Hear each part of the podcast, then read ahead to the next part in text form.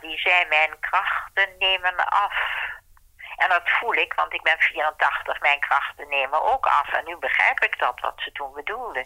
En dat Beatrix haar hand neemt, lieve moeder. Daar zat al in, maak je geen zorgen. Het gaat allemaal goed. Hier is Hanengekraai door Luc Drosten met Elisabeth Bierens de Haan.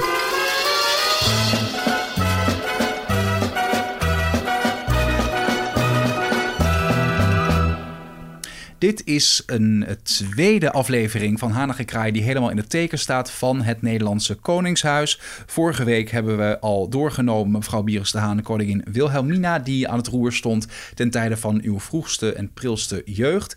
En het koningschap van eh, koningin Juliana en uw ontmoeting die u ook heeft gehad met prins Bernard. Maar rest ons natuurlijk nog voor vandaag koningin Beatrix en uiteindelijk Willem-Alexander. Uh, mevrouw Bierens de Haan, het koningschap van Beatrix, die uh, de, uh, het stokje overnam, zo te zeggen. Ja. En die eigenlijk ook een beetje brak met de informele wijze van uh, het koningschap van haar moeder. In zoverre dat zij in het begin als nogal formeel en afstandelijk werd ervaren. Was dat bij u ook zo, vond u haar? Nee, ik zie ze staan op het bordes. En van het paleis in Amsterdam. Daar staan ze op het bordes. En dan staat Juliana eh, eh, naast Beatrix natuurlijk. En ze pakt de hand van, van haar moeder en zegt: Lieve moeder. En die twee woorden, lieve moeder, dat was voor mij zo mooi om te horen. Hoe respectvol dit gebeurde dat Juliana, die zei mijn krachten nemen af. En dat voel ik, want ik ben 84, mijn krachten nemen ook af. En nu begrijp ik dat, wat ze toen bedoelde. En dat Beatrix haar hand neemt, lieve moeder. Daar zat al in, maak je geen zorgen. Het gaat allemaal goed. En dan komen er geknal en ellende en rookbommen. Maar dit was zo'n mooi moment, zo prachtig dat, uh, ik zou alleen maar zeggen, de liefderijkheid waarmee prinses Beatrix naar haar moeder uh, keek en haar geruststelde van laat het maar aan mij over, dat was een prachtmoment. Gezegend door de goddelijke wereld, laat ik dat zeggen. Ja. En uh, vervolgens is zij 33 jaar koningin uh, geweest. En trouwens, ja. ook u had het net over Wilhelmina als kunstzinnige vrouw. Ook Beatrix is een zeer kunstzinnige vrouw. En uh, meent, Ach, het schijnt, ook, ja, het schijnt ook gezegd te hebben dat ze, als ze geen koningin was geworden, ze wellicht kunstenares was geweest. Ja, ze heeft les gehad van Charlotte van Palland. En ze heeft schitterende dingen gemaakt. Haar zoon maakt er helemaal niets van. Die moet maar niet beeldhouden. Dat heeft hij ook niet gedaan. Maar uh, Beatrix was uh, ja, begenadigd met zo'n talent. Ja. Ik zie dan nog zo bezig in het atelier. Prachtig. Een kluit klei. Waar ze eventjes met een paar ja, modulaties komt daar een gezicht tevoorschijn. Ongelooflijk. Mm, ja. ja, dan was ze artieste geworden. Als dit haar lot niet was. Ja. Dit was haar uh, bestemming. Ja. En Koningin, een, een artistieke, stevige, iets meer op een afstand. Dat vind ik helemaal niet gek. Nee. Daarvoor ben je koningin. Ja, ik vind, ik hou er wel van. Een beetje afstand, distance. Ja. En, en dat vind ik heel goed. Je hoeft niet iedereen te omhelzen en te gillen en te schreeuwen. Dat, dat hoeft helemaal niet. Maar je kan zelfs met twee woorden, lieve moeder, leg je al je hele ziel bloot. Ja, nou dus, ja, uh, misschien... En, en, dat, was, dat was voor mij, ja, Beatrix uh, niet alleen artistiek was ze, maar ze was dol op dieren. En ze had een hondje Miss Pepper. En Miss Pepper die kwam in een hol terecht, in een vossenhol. En toen was ze helemaal, oh, van verdriet. Oh, oh. Nou ja, er was geen land met Beatrix te beginnen, want het hondje Miss, Miss Pepper was gestorven in het vossenhol. En toen heb ik er een brief geschreven, een kaart. En daar heb ik opgezet, is het niet verstandig? Ik condoleer u met, het, met, dat lieve hondje. Ik ben zelf dol op honden, dus ik weet wat het is om zo'n hond op die manier te verliezen. Maar Maar wij hebben een King Charles Spaniel. Is het niet een idee, omdat u zoveel holen, konijnen, vossenholen hebt, vooral ook konijnenholen in uw omgeving, om zo'n hondje aan te schaffen? En dat, nou, dat, dat is nou juist weer zo leuk. Dat is het eigenzinnige van onze lieve Beatrix. Een hofdame schreef mij terug en zei: Nee, de koningin heeft besloten om weer een border terrier te nemen. Die kwam later, geloof ik, ook weer een vossenhol, maar die hebben ze eruit kunnen halen. Maar dat is nou, dat is nou zo geestig. Dat is het eigenwijze, standvastige, Wilhelmina-achtige. Nee, ik ben een border ik wil geen King Charles Spaniel. En daar hebben mijn man en ik reuze om gelachen. Dat was het karakter van Beatrix. Ik wil het zo. En uh, kijk, dat was weer een deel van haar karakter. Wat, uh, ja, misschien aanleiding gaf van ze is zo dit of ze is zo dat. Nee, ik, ik vond het juist. Uh, ik, ook hier zeg ik vol respect voor de kaart die ze bestuurde. Ze neemt weer een border terrier. Prima, uitstekend. Ja. En, ze, eh, ze, laat zich niet uh, ompraten om een King Charles te, te kopen of te nemen. Maar dat vind ik leuk. Dat zijn mensen met karakter, dat zijn mensen die hebben allure. En niet omdat ze koningin zijn, maar gewoon omdat ze intrinsiek dat in zich hebben. Dus alle lof voor Beatrix. Ik kan alleen maar zeggen, alle lof. Ja, en misschien ook inderdaad uh, heeft zij van wat oorspronkelijk uh, dat was wat bekritiseerd werd, namelijk dat wat statigere, uh, uiteindelijk weten om te zetten in retrospectief met name, naar haar kracht. Ja, maar ik denk ook de koningin. in mijn stewardessentijd heb ik vaak de koninklijke familie aan boord gehad. En er was een enorme zakelijke delegatie die, weer achter, die liep erachteraan. En dan gingen we naar het Verre Oosten. En dat was enig met journalisten. Oh, met Van Zeil, Joop van Zeil, ik weet het nog allemaal. Vreselijk leuke reizen, enig. Maar men moet zich realiseren dat het charmante optreden van Beatrix, haar lach, en dat had ze vroeger natuurlijk, ja, was ze jong. En uh, dat is logisch. Charmant. En dat leverde allemaal ook hele mooie contracten op. Want die de delegatie liep achter haar aan.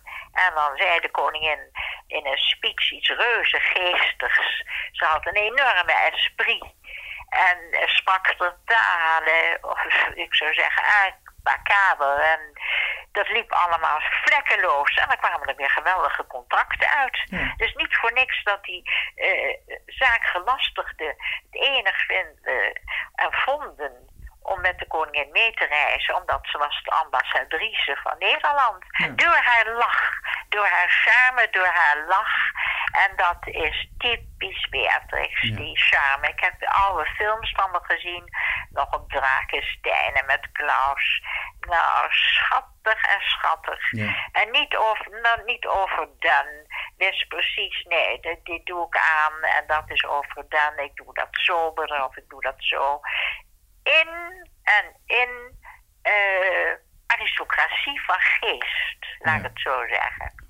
Nou. En, en, en een enorme humor, ja. schaterlachen. En dat leverde dan allemaal weer uh, vreselijk leuke contacten op. En dat heb ik aan boord ook gemerkt. Dat was uh, uh, ook alweer vol respect. Nou, en dan uiteindelijk komen we dus aan bij, bij Willem-Alexander, dus de eerste koning in ons rijtje. En ook iemand uh, die uh, nou ja, het, het, koningschap op heel eigen wijze en op heel erg in de 20e eeuwse wijze wellicht ook vormgeeft. hoe kijkt u tegen zijn koningschap? Ja, nou ja, sportief. En hij doet ook veel aan sport. Ik geloof dat hij elke dag met een home trainer bezig is. En het is een, een sportman. Wat is zijn kracht als koning? wat zeg je? Wat is zijn kracht als koning? Uh, nou, daar komen we wel op. Zijn kracht als koning dat hij vooral het jonge volk uh, goed... Uh, ja, dat het jonge volk hem bijzonder mag. Omdat hij zich als een soort plant buigt die naar het jonge volk toe. Dus met sport vooral, dan kunnen we dat duidelijk zien zwemsters, eh, sporters, eh, allerlei sport. Ik ben niet zo goed in sport hoor, maar allerlei takken van sport worden omhelst door de koning. En de, mensen, de jonge mensen, uh, vinden hem makkelijk toegankelijk. Hij is makkelijk benaderbaar. Hij heeft een jeugdige elan. Hij heeft een vrouw die hem dingen heeft geleerd. Dat was ook heel goed om te doen. Een vrouw uit een gewoon milieu is opeens in die sfeer terechtgekomen. En uh, ja, gaat staatsbezoeken afleggen en moet meten wat doe ik aan en hoe gedraag ik me, hoe houd ik mijn glas wijn keurig vast. Niet met mijn hand om het glas, maar om de steel en waarom. Het zijn allemaal dingen die moet je leren. Je moet uh, courtoisie, je moet de hofcultuur leren. Dat heeft ze schitterend gedaan. Ja. En iedereen mag er. En, en ze is een, een uh, ja, ik zou zo zeggen, een, bloem die uh, uitstekend gedijt met een man naast zich. Ik vind, uh, ja, uh, ik vind dit, ze horen goed bij elkaar. Dus ze vullen elkaar schitterend aan en ze zijn dol op elkaar, ze vullen elkaar aan. Ja, er wordt soms wordt er wel eens gezegd, Willem-Alexander is misschien geen geboren koning, maar Maxima vult dat prachtig aan in hoeverre... Die vult het prachtig aan en, en, en ze leert hem dingen en, en in hoeverre denkt u dat zijn koningschap ook uh, een succes is mede door haar? Dat denk ik wel. Ja. Ja, dat denk ik zeker. Als vrouw van deze tijd, als... Ja, uh, ja, ja, dat denk ik zeker. Ja.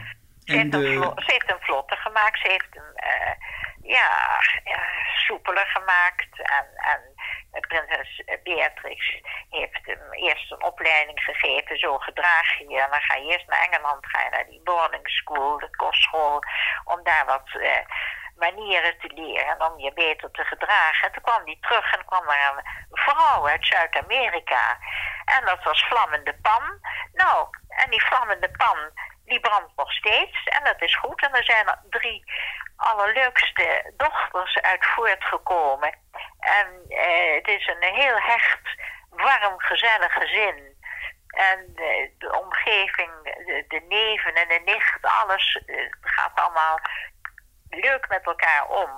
Dus ja. Eind goed, al goed. Nou, en dan uh, tenslotte nog misschien een kleine blik in de toekomst. Er zijn wel dus mensen die inderdaad pleiten voor het afschaffen van het Koningshuis. En aan de andere kant zijn er in tijden als deze ook juist mensen die aangeven dat het Koningshuis zo'n verbindende factor heeft. hoe ziet u de to toekomst van het Koningshuis? Nou ja, kijk eens. Um, de tijd zal het uitwijzen. Laat ik het zo zeggen. Dat is een heel diplomatiek om, om, Prins Bernhard te herhalen. te doen. De tijd zal het, zal het uitwijzen. De tijd zal ons vertellen hoe het verder gaat. Er kunnen zoveel dingen gebeuren. Maar op dit moment zeg ik... Wat de toekomst brengen mogen... mij geleid des heren hand. En dat is mijn visie. Nou, wij uh, nemen dit allemaal mee. We, uh, ik dank u voor wederom uh, uw inzichten in de hele kwestie. We hebben het uitgebreid gehad over het Koningshuis. Volgende week pakken wij weer een ander onderwerp op. En ik spreek u heel graag dan weer, mevrouw Bierens. Luc, mag ik je bedanken voor deze uitzending. En we zeggen graag, ik zeg graag, tot de volgende keer. Wilt u reageren? Mail naar hanigekraai.amsterdammefm.nl en uw bericht komt terecht bij mevrouw Berends de Haan.